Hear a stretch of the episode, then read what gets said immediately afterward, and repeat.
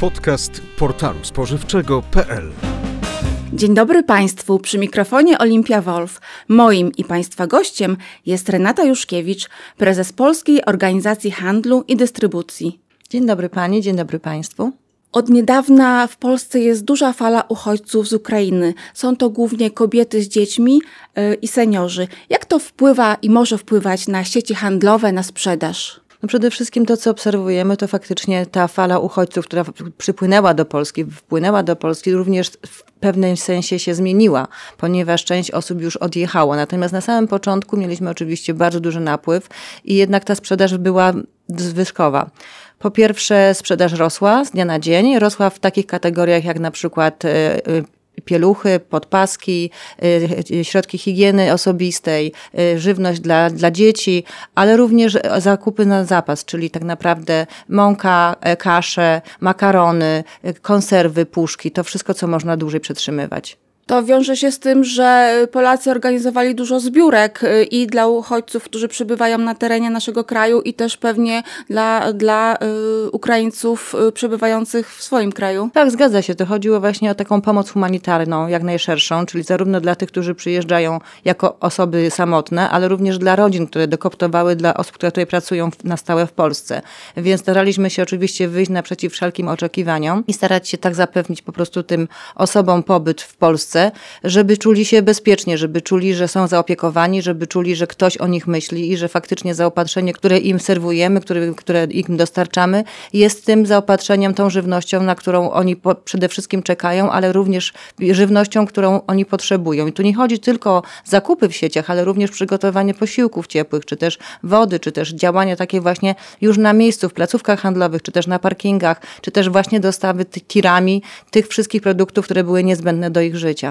Też sieci handlowe bardzo właśnie się włączyły w e, działalność dla uchodźców, zbierały pieniądze, woziły dary też na, na Ukrainę. Tak, zgadza się. Ta opieka była dwustronna, czyli tak zarówno dla tych osób, które tutaj są w kraju, jak i dla tych, które przyjechały do swoich rodzin, które, które też tam zostały, więc staraliśmy się po prostu na wszystkich możliwych frontach działać tak, żeby te rodziny, które po prostu dotknięte zostały y, wojną, y, czuły się zaopiekowane i bezpieczne. A myśli Pani, że jakoś trendy konsumenckie mogą się zmienić, skoro jest tak dużo nowych osób y, w Polsce? Na chwilę obecną nie obserwujemy tej zmiany, natomiast ponieważ to może wynika też z tego, że to właśnie Polacy robią zakupy dla tych właśnie osób z Ukrainy i dostosowujemy jakby swoje nawyki żywnościowe do ich czy też w drugą stronę. Więc myślę, że w dłuższej perspektywie może być pewna zmiana, na pewno na tym etapie tej zmiany jeszcze nie obserwujemy. A jak wyglądają łańcuchy dostaw? Czy były jakieś y, problemy z nimi ze względu na y, właśnie y, wojnę na Ukrainie, czyli na przykład łańcuchy dostaw z Ukrainy, czy z Białorusi, czy z Rosji? Jak... No wiemy, że dzisiaj mamy problem ogólny, jeśli chodzi o eksport, czy też import, więc tutaj te łańcuchy dostaw też już są inne. Jeśli chodzi o kierowców, to na z całą pewnością te osoby, które pracują w firmach spedycyjnych, pozostałe i pracują, czy też mogą być w pewnym momencie jakieś braki kadrowe, jeśli chodzi o osoby zatrudnione z Ukrainy. Natomiast w samych sieciach handlowych, które współpracują właśnie z osobami z Ukrainy na poziomie kierowców, to nie był to duży problem, ponieważ my jednak korzystamy w większości z osób polskiego pochodzenia, jeśli chodzi o ten właśnie o ten zawód, żeby można było komunikować się również na tym etapie między sklepem, między magazynem, między dokiem. Porozmawiajmy też o pracy, bo w handlu pracuje dużo Ukraińców, którzy przybyli przed wojną i teraz y, też jest taka możliwość, żeby część y, osób z Ukrainy pracowała w handlu jako sprzedawca, pomocnik sprzedaży czy magazynier.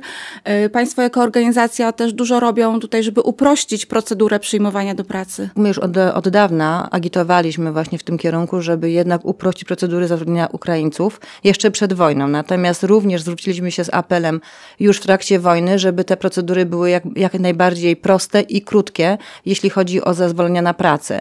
I to się udało, natomiast no, dużo robimy dla tych osób, żeby zostały przyjęte do pracy. Wielkim problemem oczywiście jest bariera językowa, bo jak wiemy, kontakt z, z człowiekiem, czyli z klientem jest bardzo ważny w handlu, więc jakby tutaj na pierwszej linii kas te osoby powinny się chociaż w sposób podstawowy y, komunikować z klientem. Natomiast y, inną kwestią są osoby zatrudniane już w magazynach, czy tam gdzieś na zapleczu, ale tutaj mówimy z kolei o pracy, którą najczęściej wykonywali do tej pory mężczyźni. No tutaj to wszystko wymaga oczywiście czasu, bo tak szybko też nikt się nie nauczy języka polskiego.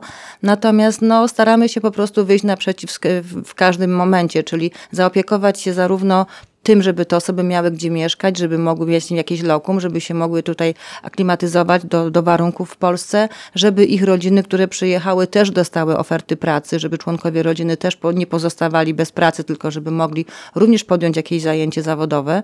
No i to jest wszystko w naszej gestii tak jak mówię, no problem o tyle jest trudny, jeśli chodzi o, o branżę, że mamy duże zapotrzebowanie na osoby w handlu, natomiast tutaj jakby no, język polski jest bardzo ważnym czynnikiem do tego, żeby komunikować się z klientem. Część Ukraińców, którzy przyjechali do Polski, dosyć szybko nauczyła się polskiego, bo można słyszeć y, w wielu sklepach polski w wykonaniu właśnie ukraińs, y, ukraińskich y, sprzedawców, więc może i ci nowi też się szybko nauczą.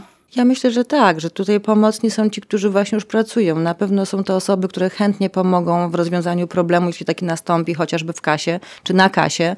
Natomiast no, myślę, że tutaj ten proces będzie jednak trwał, chociaż nie ustajemy w wysiłkach, bo chcemy, żeby te osoby po prostu były raz zatrudnione na tych samych zasadach i warunkach jak polscy pracownicy, żeby nie było różnic i to robimy cały czas. I chcemy, żeby po prostu oni też czuli się komfortowo wykonując swoją pracę. To bardzo ważne właśnie, żeby byli zatrudnieni na tych samych zasadach Widzę też, że wiele sieci y, wielkopowierzchniowych y, kieruje taką bardzo konkretną ofertę dla osób z Ukrainy. Są y, oferty pracy po ukraińsku, są też w ramach zatrudnienia, jest możliwość nauki języka polskiego, także widać, że tak sieci wyciągają pomocną dłoń. Tak jak powiedziałam, no, przygotowujemy dla nich kursy zarówno dla tych osób właśnie w sklepie, ale też jest część osób, które chcą pracować w pracy biurowej. Tutaj musimy oczywiście wziąć pod uwagę pracę przy komputerze, oczywiście klawiaturę, klawiatura w języku ukraińskim i tak dalej, więc tutaj to wszystko wymaga też z naszej strony wysiłków. No i działamy na, na tej zasadzie, żeby te osoby właśnie zarówno miały pracę, czy też w kasie, czy też na, na, na powierzchni sklepu, czy też właśnie w pracy biurowej, czy też w magazynach. Wojna na Ukrainie wpływa na naszą gospodarkę, na nasze społeczeństwo, też wpływa na e, inflację, na ceny żywności. Ceny żywności już wzrosły wcześniej, przed wojną. Mamy też zerowy VAT na niektóre wybrane produkty spożywcze spożywcze. Jak to wygląda od strony sieci handlowych? Czy rzeczywiście y, droższe są produkty spożywcze od firm spożywczych? Y, co, co, co sieci handlowe mogą robić, co robią, żeby y, tak minimalizować te ceny? No przede wszystkim zmagamy się wszyscy z tym samym problemem, czyli wysokie koszty gazu, energii, paliwa i tak dalej, i surowców, braku surowców. Widzimy, co się dzieje, ponieważ dostawcy, producenci informują nas bardzo często i w takich krótkich odstępach czasu, że te ceny będą, będą szły w górę, że nie są w stanie produkować na, po prostu na niższym poziomie, ponieważ koszty zewnętrzne są, są bardzo wysokie. No my jako sieci handlowe po pierwsze staramy się nie podwyższać naszych marż. Jesteśmy po prostu kanałem dystrybucji, który pracuje na bardzo niskich marżach, jeśli chodzi o sklepy wielkopowierzchniowe.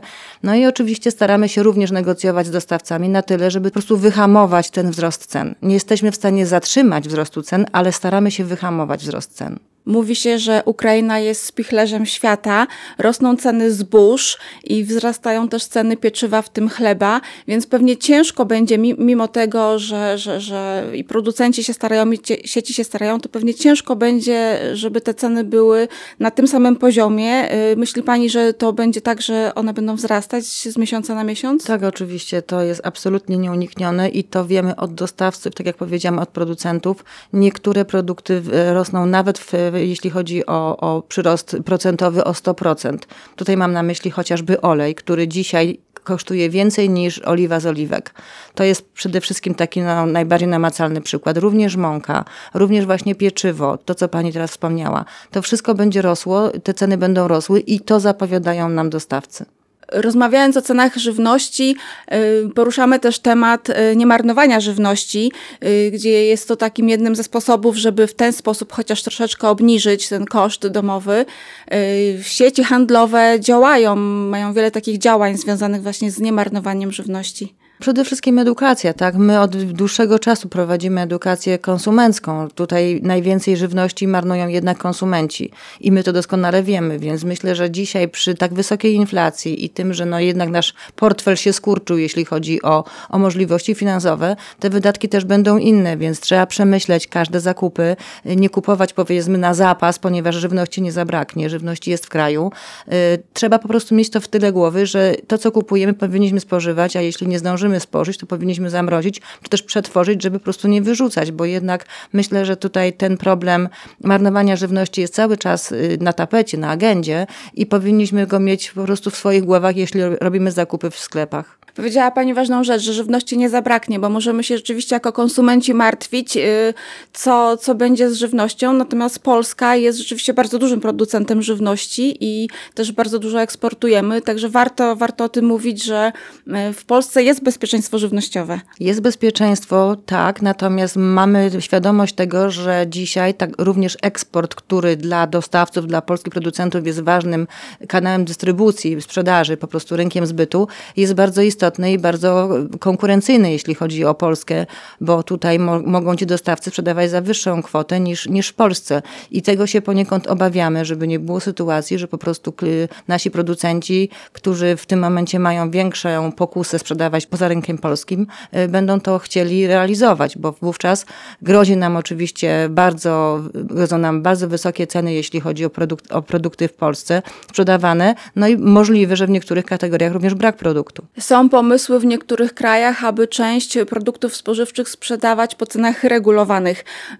Jakie ma Pani zdanie na ten temat i do czego to prowadzi? To nie jest dobry pomysł. Absolutnie interwencjonizm nie powinien mieć tutaj miejsca. Przede wszystkim mówimy o gospodarce wolnorynkowej i mówimy o konkurencyjności między podmiotami. Więc y, ingerencja państwa może tylko do, doprowadzić do tego, że ceny, które będą regulowane, taki przykład przede wszystkim widzimy na Węgrzech, spowodowały reglamentację pewnych produktów. Tego byśmy nie chcieli i absolutnie uważam, że to nie powinno mieć miejsca. Póki co mamy towar w Polsce, mamy produkty w Polsce, mamy bardzo dobrze rozwinięty sektor przetwórstwa i nie powinniśmy w tym kierunku w ogóle nawet myśleć. Dziękuję bardzo za rozmowę. Dziękuję bardzo. Podcast portalu spożywczego.pl